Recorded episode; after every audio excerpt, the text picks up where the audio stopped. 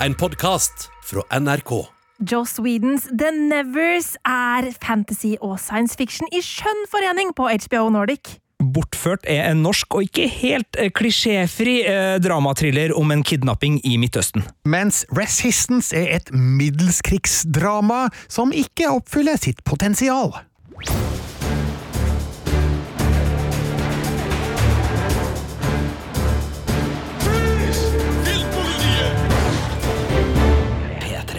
Endelig en ny podkast fra oss i Filmpolitiet etter påskeferie.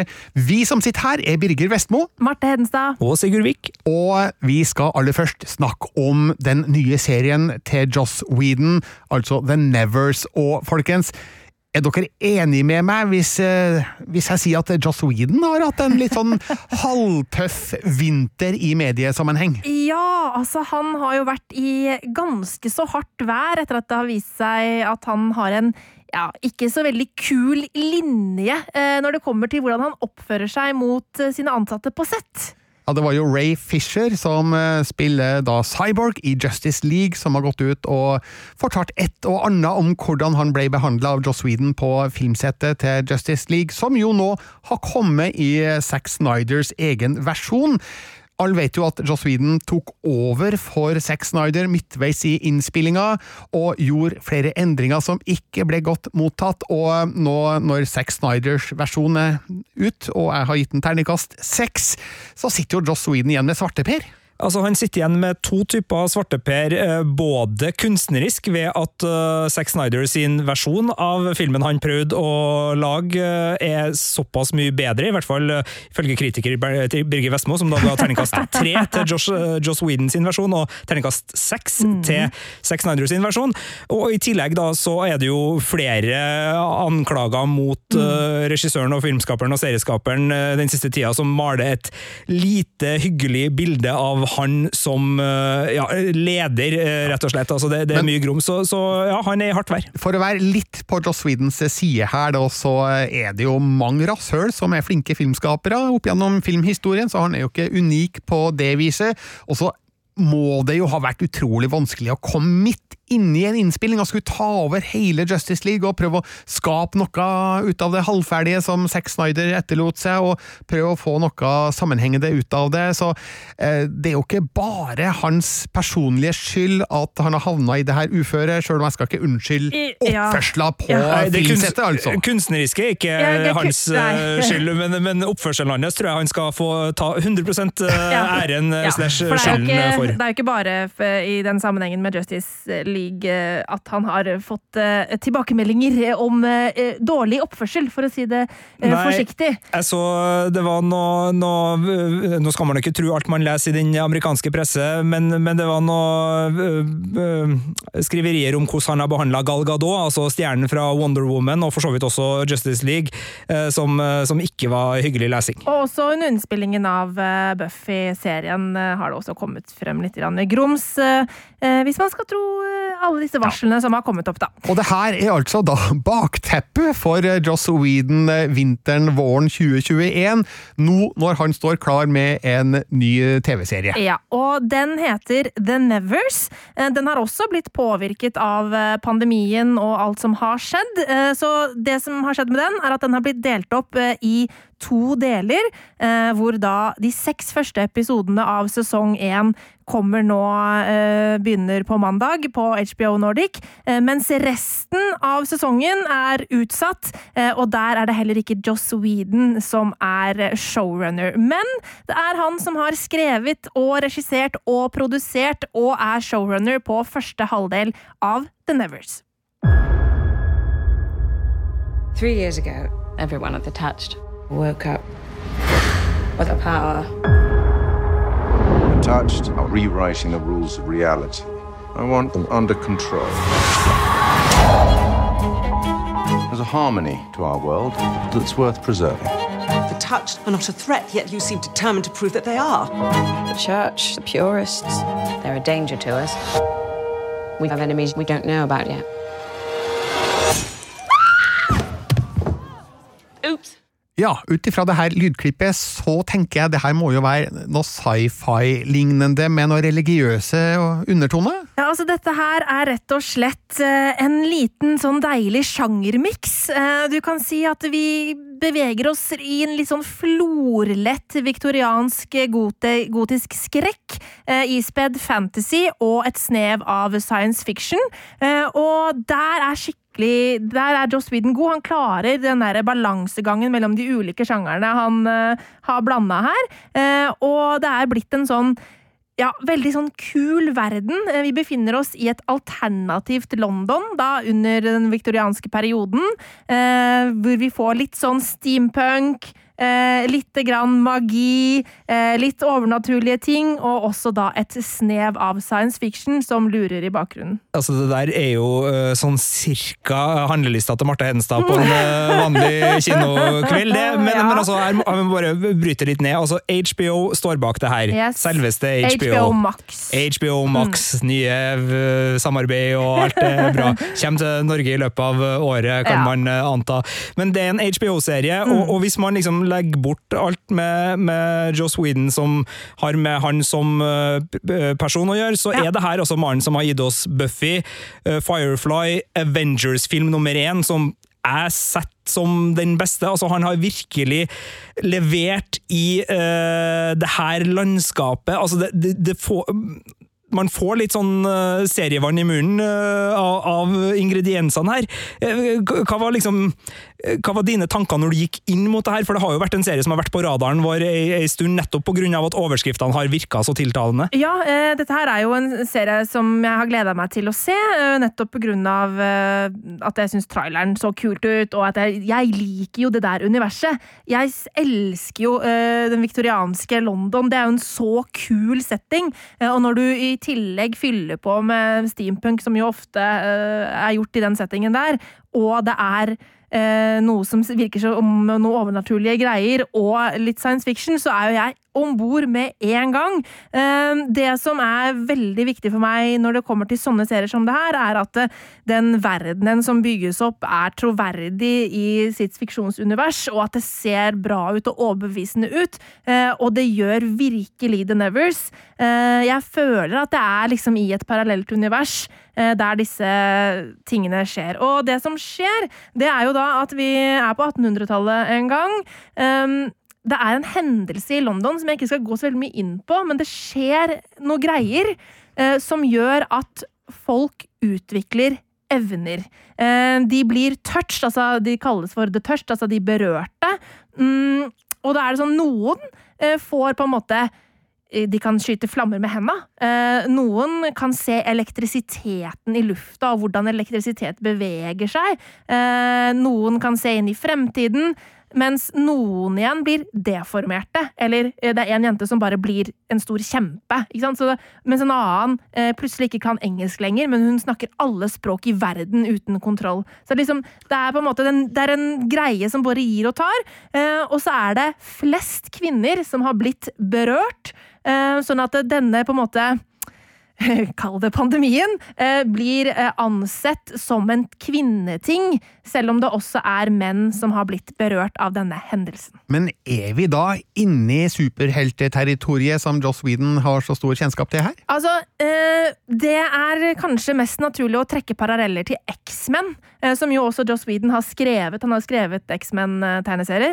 Um, og fordi det er jo noe med det derre Det med å få krefter det med å kanskje ikke være tilpass med sine egne krefter. Hvordan samfunnet ser på deg som eh, er annerledes, eh, og hvordan samfunnet kan enten ville utstøte, trykke ned, ødelegge eh, personer som, som har eh, krefter. Eh, det er noe denne serien i stor grad eh, tar inn over seg. Um, og den tar jo oss da eh, med eh, til et tidligere barnehjem, eh, som det er en rik kvinne som har vært liksom sånn eh, Hva heter det? Bestyrerinne? Be- Nei, ikke bestyrerinne, men hun har putta penger inn i det. Hun velgjører. sånn- Velgjører. Velgjører, takk. Hun har vært velgjører for dette barnehjemmet, som nå har blitt da gjort om til et slags, slags senter for the touched, altså de som er berørte. Eh, og der er det Amalia True som er bestyrerinne, spilt av Laura Donnelly.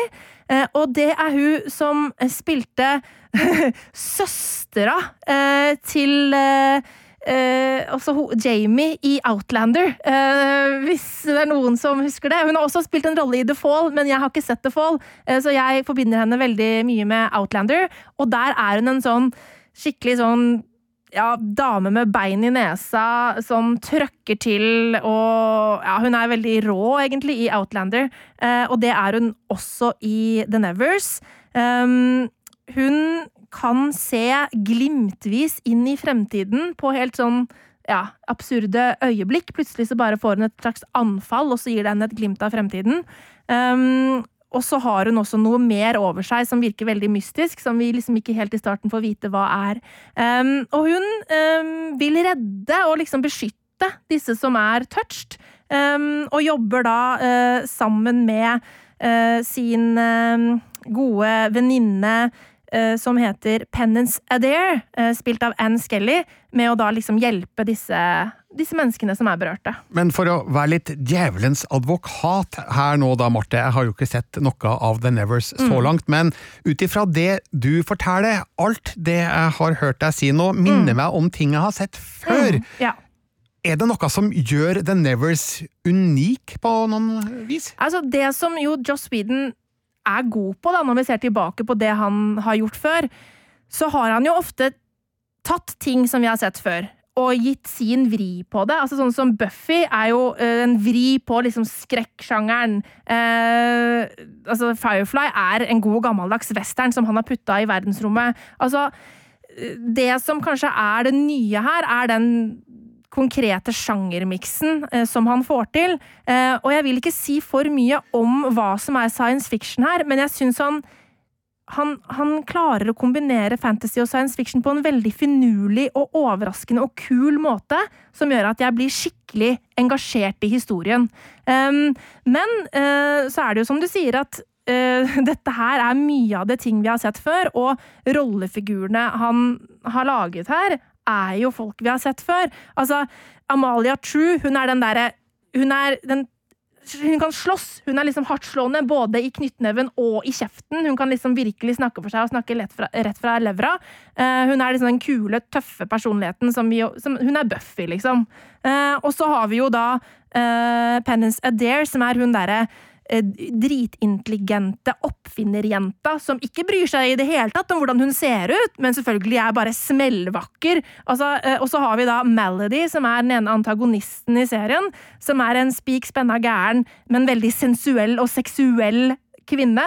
Eh, noe Jo Joss Whedon òg er liksom litt sånn kanskje lefla litt med før, at eh, den gale og slemme personen eh, som er kvinne, kan finne på å være litt sånn ja, overdrevent seksualisert, eksempel. Sånn at det, det er jo eh, klisjeer og en del sånn kanskje problemer knytta til rollefigurene som skildres her, men likevel så liker jeg de så godt. Og jeg blir så Altså, eh, Penance er det. Hun er dritkul, hun! Ja, ok, det er liksom en klisjé, eh, hele den figuren, men altså, det er så gøy at hun finner opp liksom eh, kule ting og duppeditter, eh, og, og liksom Amalia True, hun er bare så tøff. Det er jo kjempeunderholdende. Men sitter du liksom og forhandler med deg sjøl som kritiker, om at du kjenner igjen så mye av det her, og vet Ja. liksom hvor uh, Whedon eventuelt har tatt noen snarveier, kanskje brukt om igjen, kanskje er borti stereotypier som man egentlig bør holde seg for god til å, å reprodusere i et TV-landskap i 2021, samtidig som du sitter der med Jeg ser for meg at uh, liksom popkornarmer går greit, og at gliset er på plass her, Marte. Det, det er mulig jeg tar feil. Nei, det er akkurat sånn det er, og jeg blir kjempeunderholdt av det, selv, selv om jeg også ser liksom problemene som ligger der, og selv om dette, her- denne serien er veldig sånn Joss Whedon på både godt og vondt, da.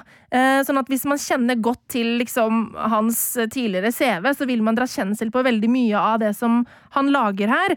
Eh, både, når, både på det som er bra, og på det som er dårlig.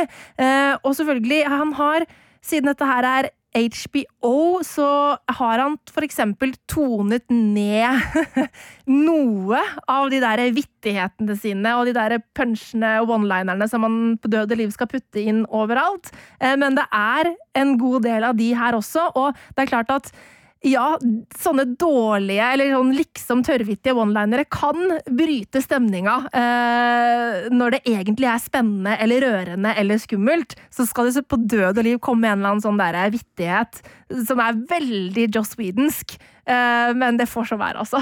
Men nå er jeg litt spent, fordi eh, veldig mye av plottbeskrivelsen du hadde i innledninga på denne serien, Mm. overlapper med The Irregulars, som eh, nå i påska hadde premiere på Netflix, Mm. som også foregår i London på 1800-tallet, som handler om en rift som oppstår, som gjør at eh, noe fra en parallell dimensjon kommer inn og preger en del individer i det her landskapet. Den er jo satt til Sherlock Holmes-universet, så her er det jo Dr. Watson sammen med en gjeng tenåringer, hvor det også er folk med gaver. altså Ja. De er ikke touched, men de har uh, gifts. Eh, og, og den har mye kult ved seg, men den ser ikke så eh, fordømt bra ut, for å være ærlig. Altså, den eh, lider litt av det Netflix ofte gjør med sine tenåringsorienterte, eller young adult uh, overnaturlige serier. Altså, de lar det stå til, det ser litt tacky ut. De, de på en måte jeg skal ikke si at de dyrker en trash-estetikk, for det gjør ikke de, men de har ikke noe problem med at spesialeffektene ser tacky ut. De har ikke noe problem med at det ser litt sånn skoleteater, Oliver Twist-aktig ut i enkelte av eh, de viktorianske, samtidig som de er superivrige på å få uh, ballscenene på Buckingham Palace til å være så lekker at folk altså det er Veldig sånn meme-verdig opplegg. Sånn har jo ikke HBO tradisjonelt eh, holdt på. De har jo lagt seg på en mye mer sånn uh, sober og, og litt mer sånn gjennomprodusert linje, hvor, hvor det virkelig er høy produksjonsverdi er så meningsløst, men altså produksjonsverdien ser øh, veldig Det ser påkosta og ordentlig Ja. ut. Samtidig som de også har hatt en hang til å være drøy, med både sex, øh, språk og altså Det snakker vi om gamle altså HBO for ti år siden. De som slapp Game of Thrones, de som hadde The Wire. dem som hadde, ja, det, for jeg lurte på sånn, hvordan, hvordan matches det her? Altså, er det en serie som på en måte oser av HBO, og som bare kunne ha gått der, eller er serielandskapet vi nå beveger oss i strømmeverden såpass øh, mangefoldig at det her kunne like gjerne vært en Amazon-serie eller en Netflix-serie? Det det kunne vært en Amazon-serie, men kanskje ikke en Netflix-serie. Eh, Det handler litt om hvordan det ser ut, sånn som du snakket om. Netflix er, har ofte lavere produksjonsdesign, for å bruke det eh, produksjonsvalue, også hva faen skal vi kalle det? Eh, det de har lavere kvalitet på, eller hvor mye penger de har putta inn i hvordan ting skal se ut. Eh, Som, for som godt norsk. The Crown, for eksempel. Nei, men altså når det gjelder fantasy-serier. Ja. Eh, det er veldig mye ræl ute på Netflix-fronten når det gjelder fantasy-serier. Um, mens um, der syns jeg Amazon har vært bedre. Eh, men det er jo, eh, ikke til å legge skjul på, at det er et horehus her. eh, hvor det blir Det er tits and ass i ekte HBO-stil. penis, penis, penis, penis, penis. Men så er den også I tone så er den Altså, den er ikke så mørk som jeg ville kanskje forventet av en HBO-serie. fordi at det er Joss Whedon som har laga den. Du, Jeg lurer litt på den komboen av steampunk og sci-fi som du har snakka litt om her Mhm. nå på The Nevers, for det er en kombinasjon jeg liker veldig godt, kjenner jeg. Jeg husker spesielt eh, spillet Bioshock Infinite, som mm. kom for sju åtte år siden, som jo lyktes veldig godt med det. Der foregikk handlinga i en oppdikta by i 1912, som vel er rett etter den viktorianske æraen, da, men like fullt eh, fremdeles inspirert av eh, den eh, arkitekturen som, eh, Mm. som var gjeldende der. Og eh, der var jo eh, sci-fi-elementene rotfesta i datidas teknologi, sjøl om noe av det var veldig fantasifullt, selvfølgelig. Men så var det designa på en måte som, som gjorde det på en måte i hermetegn da, realistisk i Ja. forhold til hvordan resten av samfunnet så ut. Hvordan er sci-fien inkorporert i The Nevers, hvis du kan si noe Ja. mer spesifikt om det? Eh, jeg kan si noe litt mer spesifikt om akkurat steampunk-delen. Altså, den er det eh, også oppfinnerjenta altså Jeg hele tiden glemmer hva heter. eh, Penance Adair, som står for. Hun kan se elektrisitet, og hvor elektrisitet har lyst til å ta veien. Dette her er jo en tid hvor eh, man har jo begynt å liksom få lamper og elektrisitet i hjemmene. Det, det er mye mer av det, eh, og hun på en måte kan utnytte det. Og hun, hun finner opp mange finurlige duppeditter og ting som på en måte er i den steampunk-landskapet. Eh, så, så det steampunk-delen er det på en måte hun som står for. Og da er vi et oppfinnerlandskap, da, med, med litt sånn Ja. glansa brass og, og skruer og tannhjul og, og den den slags ting. Ja. Ja, og den science fiction-delen som ligger bak, har ingenting med det å gjøre. Eh, den, det er en sånn ovenforliggende greie som ligger og liksom vaker under overflaten. Jeg kan ikke si noe mer om det. Vet, for det første vet jeg ikke veldig mye om det, men vi får sånne små drypp her og der om at dette her ikke kanskje Det er ikke bare fantasy. Det er noe annet her eh, som ligger der, og som har noe med Amalia True å gjøre, men jeg kan ikke si noe mer enn det. For det første fordi at det ville være å spoile, for det andre fordi at jeg etter fire episoder av sex vet eh, ikke så veldig mye heller, men det kommer en del sånne små, veldig spennende drypp her og der, som sier noe om at dette egentlig er en sci-fi. Mm. Eh, så det, det er veldig spennende, og jeg Ja. elsker den derre jeg liker veldig godt den der miksen av fantasy og steampunk, og at det er noe mer, noe annet, som jeg ikke helt vet hva er. Det er veldig godt gjort, syns jeg, og veldig godt balansert.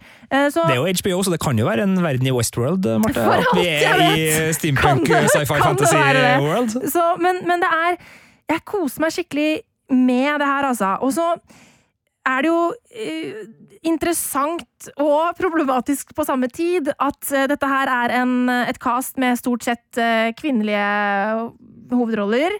em, som på en måte står opp mot overmakta, og det er eh, noen av antagonistene handler også om liksom hvordan det patriarkalske samfunnet vi befinner oss i, prøver å trykke denne, denne kvinnegreia ned, og at det er veldig viktig at ikke liksom eh, de, de her skal på en måte Disse kvinnene som har alle disse kreftene, skal på en måte få komme ovenpå. De er kun ofre, de er ikke spesielle. Det er veldig viktig at eh, de liksom ikke eh, får makt, eh, er en sånn og, eh, greie eh, som på en måte jo tar opp både liksom kvinnekamp på den faktiske tida eh, vi befinner oss i, men også på en måte drar litt, litt sånn paralleller til dagens samfunn og sånn. Eh, og det er jo spennende, samtidig som det òg er litt rart at Joss Whedon velger å gå den veien, når han samtidig ikke er feministisk i det hele tatt når det kommer til hvordan en del av rollefigurene portretteres. ikke sant? Så det er, sånn det er sånn ting som kniver mot hverandre hele tiden her, som, som gjør det litt vanskelig, men på et liksom rent underholdningsfaktormessig opplegg, så syns jeg det er jævlig gøy! Men, men henger den igjen i noen litt sånn forslitte ideer om hva feminisme er? Altså, har, Ja. altså er han fremdeles uh, under det inntrykk av at uh, jeg vet hva feminisme er, for jeg skjønte det en gang på 90-tallet, og derfor så har ikke jeg sånn. endra oppfatning. Altså, uh, ikke sant? Det er feministisk at en dame kan slåss! Det er feministisk ja, er at en ja. dame er smart! Okay. Altså liksom, det, det er litt der. Ja. Men samtidig som liksom den ene antagonisten er en superseksualisert gal dame, som du, du kan eksempel begynne å argumentere for at ja, men her har Joss Whedon eh, laget Melody som et bilde på den derre eh, Altså den gotiske gale kvinnen, som jo er en sjangertrope, eh, og en en sånn faktisk greie på hvordan eh, altså kvinnelig eh, mental helse og seksualitet ble ansett på den tiden.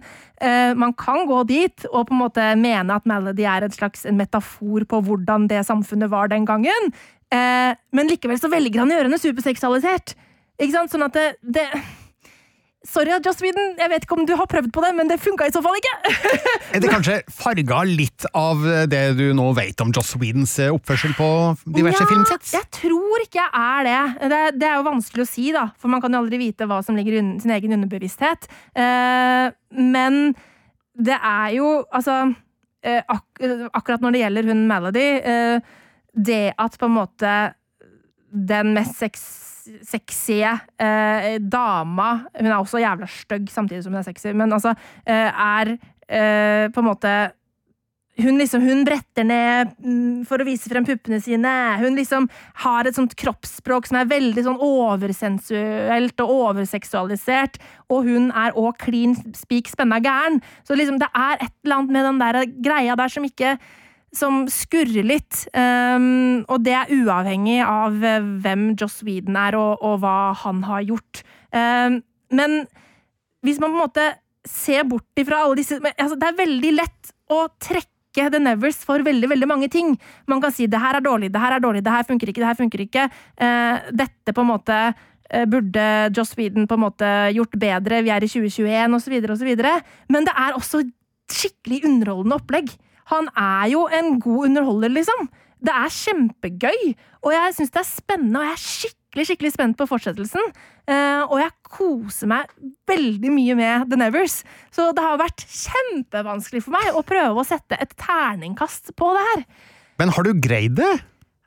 Vil du sette to terninger? Det, okay, det Min personlige terning, altså sånn min, hvis jeg bare skulle gått på ren underholdningsfaktor, uh, så hadde jeg eh, lett trilla terningkast fem.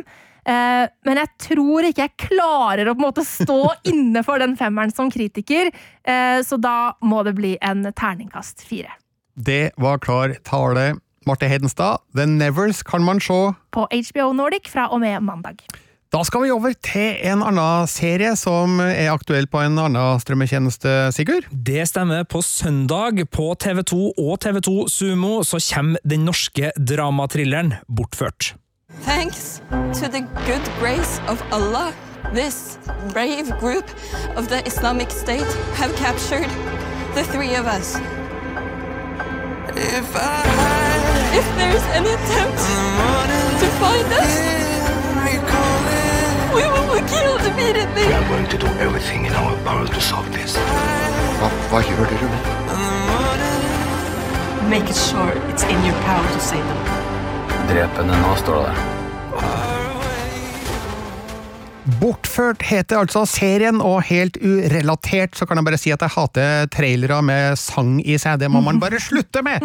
Men bortsett fra, fra det, hva slags serie er det her? Nei, det er en serie med sang i, i traileren, for å si det sånn. Altså, det er en eh, serie som øh, øh, går for å få deg til å, å føle, og som eh, bruker mye høydramatikk for å underholde et eh, bredt eh, TV-publikum. Det er jo en eh, spenningsdramatriller satt til Midtøsten, som handler om en norsk jente som heter Pia, spilt av Andrea Berntsen, som er på reise i Midtøsten, og på vei gjennom Sinai-ørkenen, etter å ha vært på en liten badetur med noen israelske venner, så blir hun, sammen med disse to israelske vennene, kidnappa av terrorister fra IS. Og eh, det her skjer veldig kjapt, så det er liksom nesten premisset for serien. Eh, Løslatelseskravene fra IS, som da både går til israelske og norske myndigheter, de er umulig. Eh, Og de diplomatiske og militære mulighetene for en eh, redningsaksjon er svært vanskelig og gjort ekstra kompleks av at det her har skjedd i Egypt, sånn at det er en, tredje nasjon som på en måte er, med i, forhandlingsspillet her. Eh, Og så er det jo en desperat situasjon for de pårørende, og spesielt da for Pias mor, eh, Alex, spilt av Annike von der Lippe, Emmy-vinner Annike von der Lippe, eh, som da reiser til Israel, og som det viser seg har en del venner både i Gaza og blant israelske politikere, for hun var en del av forhandlingene i 1993, da Oslo-avtalen eh, kom til. Så, her er det også da røtter i Oslo-avtalen, og som gjør at en norsk serie satt til Midtøsten får en skal vi si en litt sånn naturlig tilstedeværelse. Altså Her er det ikke bare at Norge som serienasjon også vil inn på liksom Midtøsten som spenningssenter. Vi vil ha litt av Homeland, Le Byrå 24-kakestykket, på en måte. Altså det, det er en eh, relativt da, naturlig grunn til at det er eh, en, en link her, og, og det er jo med å, å gjøre det ekstra spennende. For jeg må medgi, sjøl om jeg og vi skal komme dit, har noen innvendinger mot eh, serien, så merker jeg at for en spionglad fyr som elsker Homeland, Le Byrå, eh, Fauda, alt som er av etterretningsorientert eh, spenningsaction fra den regionen, så, så, så blir jeg ekstra fascinert da, når, når Oslo-avtalen brukes som en liten sånn slags kjerne eller utgangspunkt da, for moderne etterretningsspenning i Midtøsten. Så, så det, er, det er fascinerende tematikk, det her. Det er det absolutt. Nå blir jo jeg interessert i å se denne serien først og fremst fordi Andrea Berntsen spiller en av de største rollene. Det var jo hun som spilte en utrolig sterke hovedrollen som Kaja i eh, Erik Poppes eh, Utøya 22. juli, eh, der eh, hun imponerte i sin debut.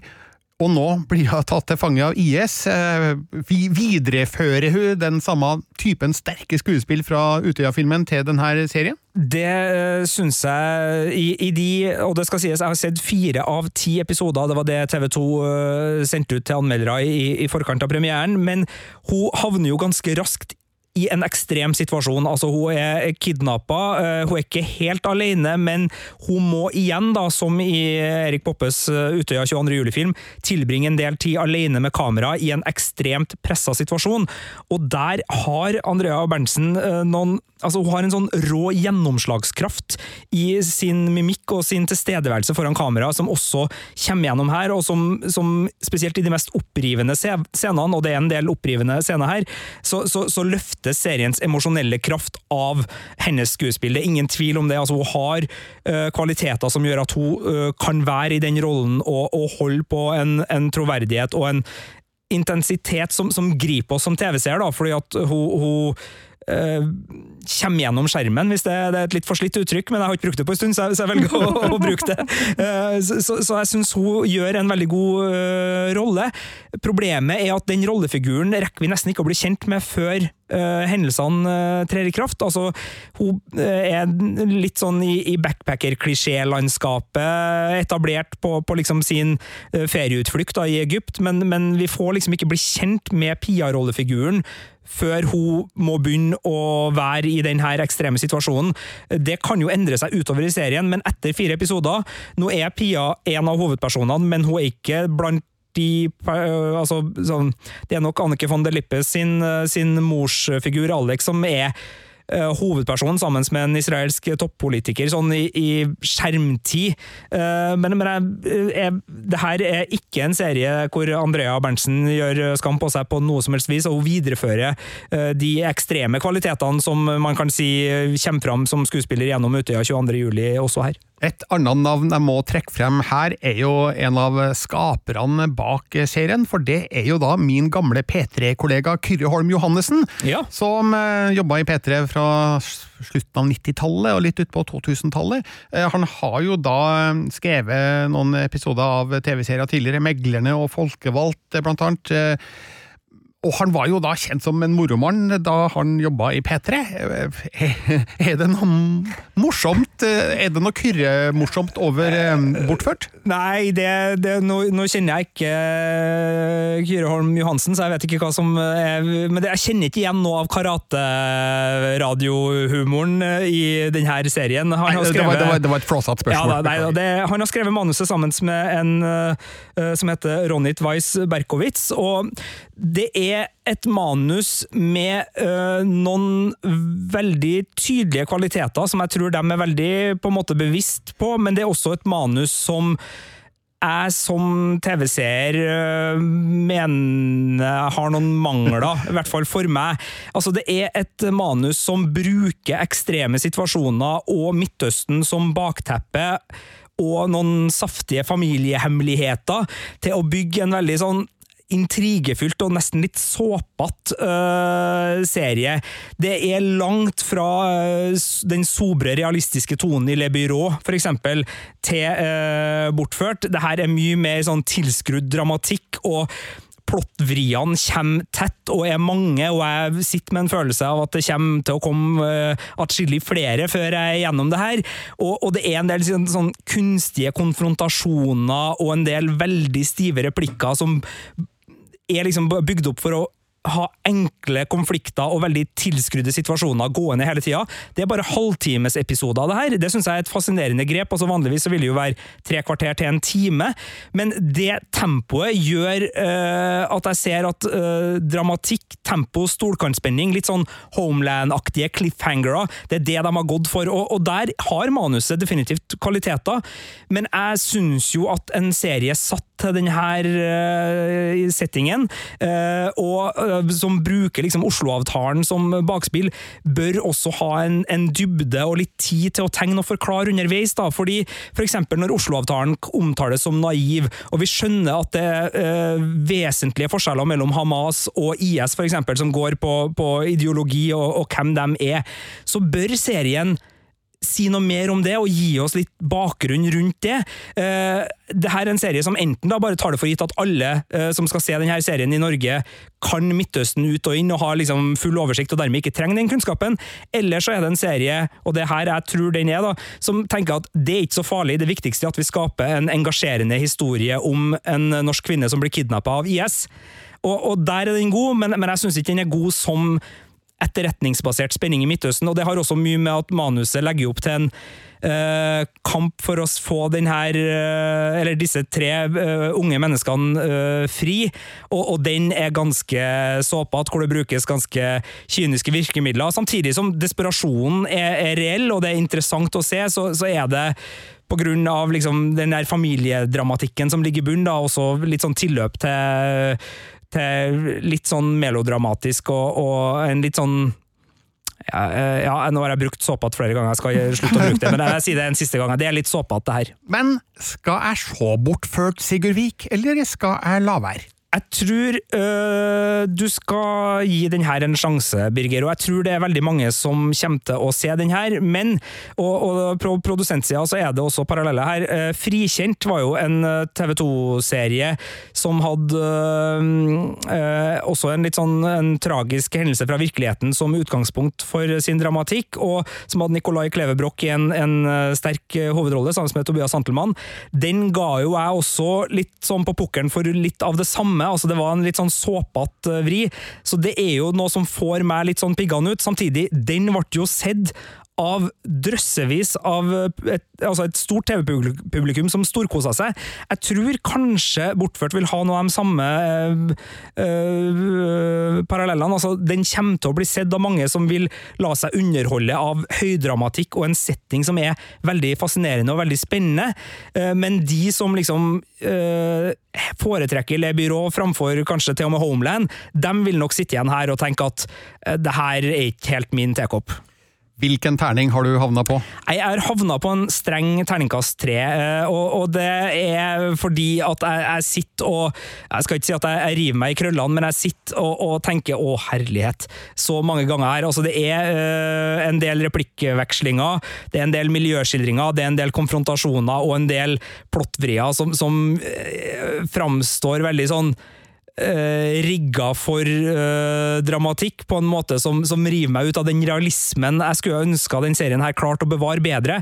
For i uh, de scenene hvor, hvor uh, Andrea Berntsen er kidnappa, så ligger det et alvor og en realisme som, som virkelig setter meg inn i den situasjonen.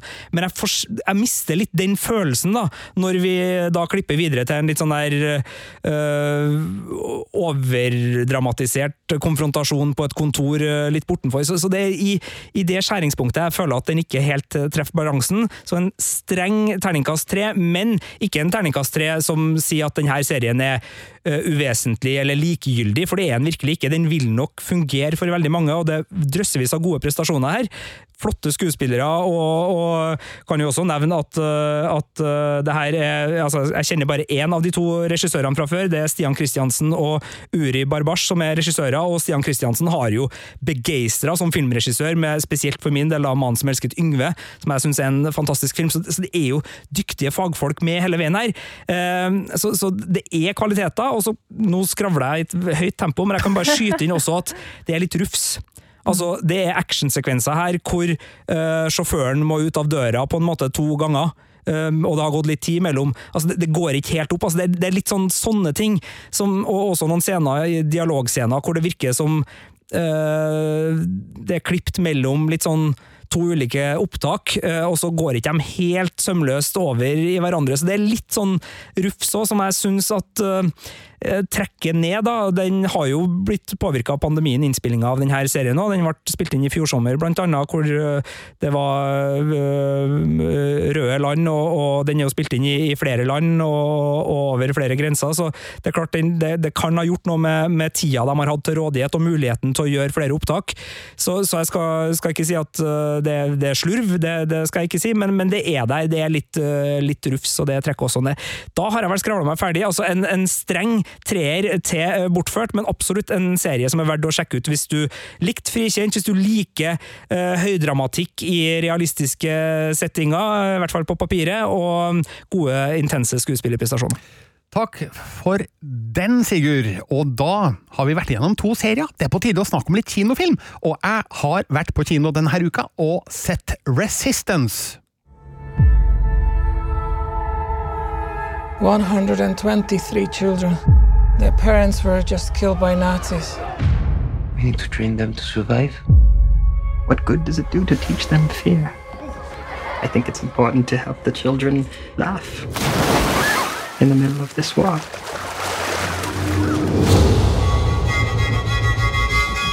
There's a group in Lyon arming themselves to fight back. We need to find guns, we need to learn how to shoot. Do you really think I could help anyone with a gun? Of course not. But your passports are impressive. Look at this. Marcel Marceau. It's a great name. Welcome to the resistance.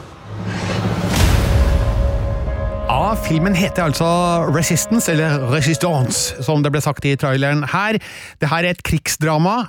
Premieredatoen er 9. april, og alle som kjenner norsk historie, skjønner jo at det er sikkert ikke tilfeldig at uh, denne filmen har premiere på akkurat den datoen, da Tyskland invaderte Norge i 1940. I traileren hørte dere også et navn, Marcel Marceau.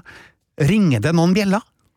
Nei. Det gjør ikke det, altså. Det gjør ikke det. Ok. Du, Marcel Marceau, han var det 20. århundrets eh, fremste utøver av pantomimekunst. Altså, for de som ikke da skulle vite hva pantomime er, så snakker vi her da om eh, teaterkunst uten dialog, der alt fremføres med kroppsspråk og mimikk. Eh, klisjeen her er vel da den, den, den, en fyr som er malt hvit i trynet, har på seg trikot, går i gata og plager forbipasserende med sånn grimaser og, og gestikulasjoner. Ofte med alpelue òg. Ofte med alpelue, ja. Som da skal fremføre um, et eller annet budskap eller en følelse eh, bare ved hjelp av kroppen. Og det var det Marcel Marceau ble verdenskjent for i sin tid. Men regissør Jonathan Jakubowicz han ville lage en film om Marcel Marceaus liv, og da han begynte å gjøre research om eh, denne franskmannen, så fant han ut at eh, Marceau hadde en eh, for mange ukjent krigshistorie, og valgte å fokusere på det i filmen Resistance.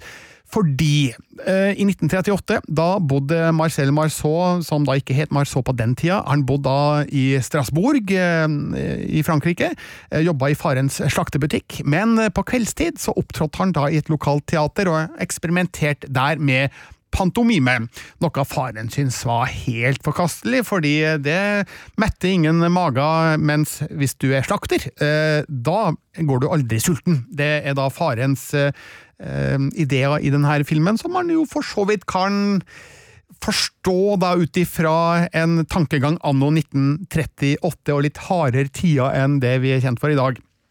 Men så eh, er det da nazisme på fremmarsj i Tyskland, og eh, flere jødiske barn blir foreldreløse fordi ja, foreldrene deres blir drept av nazistene. En fransk speidertropp i Strasbourg tar imot 123 av disse foreldreløse jødiske barna, og eh, Marcel Marceau blir da overtalt av søskenbarnet sitt. George, spilt av Sikkert ikke helt riktig uttale her. George George, spilt av Reza Görig, kjent fra hovedrollen i Sauls sønn, blir overtalt til å være med og prøve å hjelpe disse barna på et eller annet vis. Og Marcel Marceau gjør jo det da ved å utøve pantomime, og få disse barna til å le og få tankene deres over på noe helt annet. Så bryter jo da krigen ut. Frankrike blir invadert av Tyskland, og Marcel Marceau han slutter seg til den franske motstandsbevegelsen. Derav Welcome to the Resistance, som dere hørte i traileren. ikke sant? Etter en, en del fiaskoer så innser han at den beste måten han kan yte motstand på, det er å hjelpe disse foreldreløse jødiske barna i sikkerhet ved å føre dem over Alpene til nøytrale Sveits. Alt det her er jo grobunn for en glimrende god historie. Det er bare så synd at mye av den ikke er sann, for jeg har jo gjort litt research og skjønt at filmen er sånn ca. 20% sannhet og 80 oppspinn. Det er blant annet da et par viktige figurer her som aldri har eksistert i virkeligheten. Blant annet en skikkelig love interest for Marcel Marceau, og så er filmens store nemesis Klaus Barbie, en tysk nazioffiser som dessverre eksisterte på ordentlig, og som her da presenteres som den store fienden for Marcel Marceau, og deltar da aktivt i jakten på den franske pantomimekunstneren. Bortsett fra at det aldri skjedde i virkeligheten, det heller. Så her har regissøren tatt seg enormt store kunstneriske friheter. Som jo i og for seg ikke er noe nytt. Det er mange kjente filmer basert på virkeligheten som har gjort det, det samme. så jeg vet ikke om vi kan si at Jakubowicz har, har juksa her, men jeg har eh, skjønt at eh, etterkommerne etter Marcel Marceau de har jo da offentlig tatt avstand fra denne filmen, fordi den bare presenterer en liten flik av Marceaus liv, og jeg har lest at de har inngått et samarbeid med et fransk produksjonsselskap med tanke på å lage en ny film som skal da gi et sannere bilde av hele Marceaus liv og karriere, men det er jo et annet type prosjekt da, selvfølgelig. Denne filmen tar sikte på å bare presentere en liten bit av Marceaus eh, krigshistorie, som jo i utgangspunktet virker interessant nok i seg sjøl. Eh, jeg tenker jo, eh, Mange historiske filmer og, og, serier som du sier, eh, dikter jo litt, og ofte, sånn som eksempel i, i den nydelige miniserien Tsjernobyl, så er det jo for å kunne på en måte summere opp holdninger eller hendelser som egentlig blir vanskelig å fortelle i et relativt kort format, så man dikter kanskje opp en person som kunne ha vært der, som gjør det fire, fem, seks andre egentlig gjorde. Er det den type diktning, så er det jo greit, men altså, snakker vi her om at de liksom lager historier historietråder også, som aldri egentlig skjedde, og, og dikter veldig mye sånn Gjør han til en helt annen person enn den han var, eller er det meste liksom rotfesta i en slags virkelighet? Det er rotfesta i en slags virkelighet, så vidt jeg kan se. Altså denne love interesten, da, som uh, spilles av um, Og hva het hun, da? Nå må jeg bare bla litt i mine egne papirer her. Figuren heter i hvert fall Emma, og spilles av Clemence Poesy. Uh, ingenting som uh, Man vet i hvert fall da om at det var at han hadde en love interest i den franske undergrunnsbevegelsen, men det kan jo ha skjedd, for alt vi vet. Men eh, Klaus Barbie eh, han var jo en eh, skikkelig jævel, og han deltok aktivt i eh, visse operasjoner. Og eh, han eh, avslørte da et annet hemmelig hjem for foreldreløse jødiske barn, og sendte alle til Auschwitz. Så filmen er inne på noe her. Det er en viss sannhetsgehalt i det, sjøl om eh, Marceau og Barbie aldri møttes i det virkelige liv, så eh, er det ikke så langt utafor virkeligheten. Og eh, Jakubowicz bruker jo de her elementene til å skape eh, dramatikk og, og spenning, som jo fungerer godt. Men filmen har et eneste stort problem, og det er vedkommende som spiller hovedrollen som Marcel Marceau, for det er Jesse Eisenberg. Kjent fra en rekke gode filmer, som um, The Social Network, først og fremst kanskje, der han spilte Mark Zuckerberg. Mange husker han også fra de to Zombieland-filmene og de to Now You See Me-filmene en talentfull skuespiller som jeg har stor sans for og har hatt mye glede av. En rappkjefta fyr som har taletøyet i orden og har et ganske distinkt uh, utseende med krølla hår og litt sånn ja, spist ansikt, hvis det går an å, å si det. Så jeg, han er en sympatisk fyr. Jeg setter stor pris på Ikke som Lex Luthor, vel? Der er han vel ikke så sympatisk? Er han så veldig sympatisk i The Social Network? Nei, han er usympatisk fortsatt, Birger. Han er usympatisk. Jesse Eisenberg virker som en sympatisk fyr, men eh, jeg syns han bommer litt i rollen som Marcel Marceau, og det kan skyldes flere ting. For det første så er han eh, han er for amerikansk i fremtoninga. Jeg syns at rollen burde ha vært besatt av en franskmann. For det andre så greier han ikke å inkorporere denne pantomimen på eh, troverdig vis i denne filmen. og det kan være fordi pantomime rett og slett er en ræva kunstform. Eh, den har jo mottatt mye pepper opp gjennom året og har vært utsatt for mye latterliggjøring, og kanskje er det ufortjent, fordi kanskje er pantomime et vakkert kunstuttrykk som kan gjøre mye som andre kunstuttrykk ikke kan, men jeg syns ikke at det kommer godt nok frem i Resistance, sjøl om eh, vi ser jo da Marceau prøve å lette tilværelsen, som jeg sa, da, for disse jødiske barna, ved å ja, underholde dem med pantomime. Han bruker det også aktivt når de prøver å flykte fra slemme nazister, og det virker bare litt søkt eh, i måten det fremstilles på her, fordi eh, ja, de skal ikke gå veldig nøyaktig inn på det, men de er i en situasjon der det er om å gjøre å ikke bli sett, og da er det ikke veldig gunstig at Marcel Marceau ligger der og spreller med armer og bein da, for å på en måte berolige de jødiske barna som han prøver å beskytte. Så det er noen rare grep der som jeg ikke går helt god for. Jeg så på rulleteksten at um, Jesse Eisenberg har hatt en pantomime-stand-in Jeg vet ikke om den, denne stand-in er på kamera i avstandsscena, eksempel, eller om han bare har hjulpet til underveis, men uh, uansett, så hvis noen er eksperter på pantomime i Norge, så se gjerne filmen og send meg en melding om det her er bra eller dårlig pantomime, men for mitt utrente øye så ser det bare litt rart ut, måten det er gjort på her. Og så er det vel bare det å si at Resistance den ser stor og dyr ut. Den har fantastisk fint fotografi, tidskoloritten er veldig god, og det er mange elementer rent visuelt som stemmer rimelig godt overens med andre storslagne krigsdramafilmer som vi har sett. Det er bare så synd at historien virker ganske A4, ganske tradisjonell, og det er jo litt oppsiktsvekkende når man tenker på at grunnhistorien den er ganske unik, altså en fransk pantomimekunstner som redder jødiske barn fra nazistene under andre verdenskrig. Her kunne man ha gjort mye mer ut av konseptet, kanskje gitt filmen et um, litt mer magisk preg, et litt mer drømmende preg, kanskje, men det blir, det blir, for, det blir for slapt, da, det Jonathan Jakubowicz har gjort med Resistance.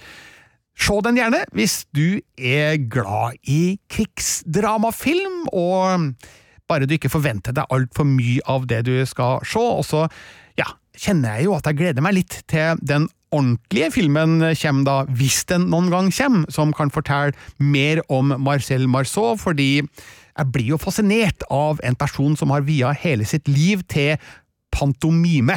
Det må jo være et eller annet der som vi kanskje ikke forstår, vi som ikke har nært kjennskap til pantomimekunstens fantastiske egenskaper. Det var det jeg hadde å si om Resistance. Kommer du til å gå på kino og se den her, Marte? Jeg gjør nok ikke det. Nei, du gjør ikke det. Sigurd Vik? uh, nei, det, det, tror ikke jeg, selv om jeg, jeg er jo alltid svak for en, en fin fransk resistance, eller hva nå enn vi har hørt på traileren her. Og, og Welcome jeg, jeg, to the resistance! Ja, jeg, jeg liker, jo, liker, jo, det. Jeg kan si én ting da til deg, Marte, og det er at et av disse jødiske barna i filmen spilles av Bella Ramsey. Ja, okay. Kjent som Ja, du husker kanskje hva hun er kjent som? Ja, hun er kjent som uh, Game of Thrones-skuespillerinne uh, med ja, en God på å drepe svære ting. Veldig, veldig god. ja. en, en, en, giant slayer, bokstavelig talt. Liana Mormont. Ja. Liana Mormont i Game of Thrones. Og ja, hun har en liten rolle her, altså, men jeg syns hun utmerker seg med de mulighetene hun får. Hun må da ofte spille skremt i denne filmen, og det gjør hun aldeles fortreffelig, så sjøl om jeg gir terningkast tre til Resistance, så er det ting å sette pris på her, altså. Og jeg gleder meg veldig, Marte, til at vi ser tilbake om noen år på det her som da startskuddet for at Birger Vestmo begynte med pantomime. Det, det, det, det gleder jeg meg til. Jeg skal begynne å anmelde filmer med pantomime heretter. Kanskje ikke på radio, det blir litt dårlig radio, men kanskje vi må lage noen videoer om, om det her. Ja. Dette var det for dagens podkast fra Filmpolitiet. Vi er tilbake om en uke og skal snakke mer om både film og eller serier. Du kan nå høre oss på P3 hver søndag fra klokka 12 til klokka 15. Ja, eh, altså jeg ville bare komme med en liten oppfordring. Eh, fordi til uka så er det jo et visst jubileum. Eh, apropos eh, Liana Mormont og, og, Bella Ramsey. Game of Thrones er ti år, folkens. Uh. Ja, det er det. Det er sjukt! Ja, det er ti år siden. Uh, 17. Er april er det ti ja. år siden piloten av Game of Thrones rulla ut på HBO. Og uh, jeg og Marte vi har jo uh, gjort en del podkast-timer på Game of Thrones, og det skal vi fortsette med. For neste uke så skal vi ta for oss piloten, ja. eh, som kom eh, på et tidspunkt vi enda ikke hadde begynt med Godtpod, som da ble vårt eh, redskap for å komme oss gjennom denne serien. Men vi skal godtpodde eh, piloten eh, neste uke, så hvis du har spørsmål, fanteorier eh, Death Watch, hvem tror du dør i første episode, osv., osv., eh, send gjerne en e-post til filmpolitiet, alfakrøll, nrk.no, spesielt hvis det er drageegg eller shame du har sett deg ut i første episoden. Alt det her må jo jo debatteres, diskuteres, eh, undersøkes på nytt. eh, Og, og hvis du bare er enten i gang med et eh, godt maraton, eller på vei inn i et godt maraton, altså send oss en e-post, si uh, hei, hei i, i godt land, for vi skal ta oss et lett nostalgisk tilbakeblikk på den da ti år gamle første episoden av Game of Thrones neste uke. Altså, blir dere aldri lei av Game of Thrones, Marte? Shame, shame! Ja, nå kjenner jeg at jeg får på en måte en, eh, en ny giv, og jeg gleder meg til å se første episode av Game of Thrones. Den har jeg ikke sett på mange år, så det blir skikkelig spennende! Og nå skal vi jo, i hvert fall jeg, da, se det på, på Blu-ray, eh, og ikke på Unnskyld, HBO Nordic, men ikke på den relativt uh, tåkete strømmetjenesten. Så, og jeg er jo kjempespent. altså, Var det flere involvert i f.eks. den siste altså, The Long Night-episoden i sesong åtte, som var et eneste langt slag i, eh, i natta? Det var bare Altså, svart. jeg, jeg vet jo egentlig ikke helt hva som foregikk der, for jeg så det på HBO Nordic, så det var en litt sånn der eh, brun lapskaus eh, med noen, noen flammer i midten, og så til slutt så hadde The Night King det, Oi, oi, oi, oi spoil. Men eh, forhåpentligvis så vil du finne ut at eh, nei, det er ikke mulig å se det i 4K heller. Sånn at eh, vi som bare så det på HBO, ikke kommer til å se det igjen, ikke føler oss snytt allikevel. Jeg har, jeg har allerede kjøpt inn eh, sesong åtte på 4K Blu-ray, jeg skal, skal tilstå det, og jeg gleder meg. Men uh, før uh, sesong åtte så er det da eh, episode én, uh, sesong én, eh, som står for ja. godt Vi skal, vi skal ikke gått på det hele Game of Thrones Nei, igjen, altså, da- men, vi men vi skal minnes eh, piloten. Ja, Men hva skal til for at dere ser hele Game of Thrones om igjen, fra start til slutt? Veldig lite. Eh, ja, veldig lite. Og, og det, altså, når startskuddet går med den piloten, så er det jo fare for at eh, man ikke klarer å skru av. Jeg tror, det, Eh, jeg tror egentlig vi, det, det blir et, et, en ny runde nå. Jeg har en sønn på 15 hjem som begynte å binge Game of Thrones i forrige uke, og han er allerede nå ferdig med sesong fem.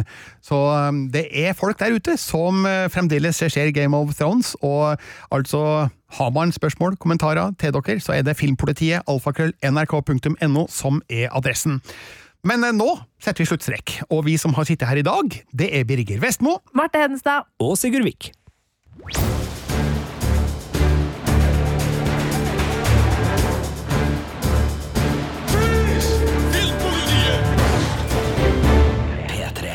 Du har hørt en podkast fra NRK.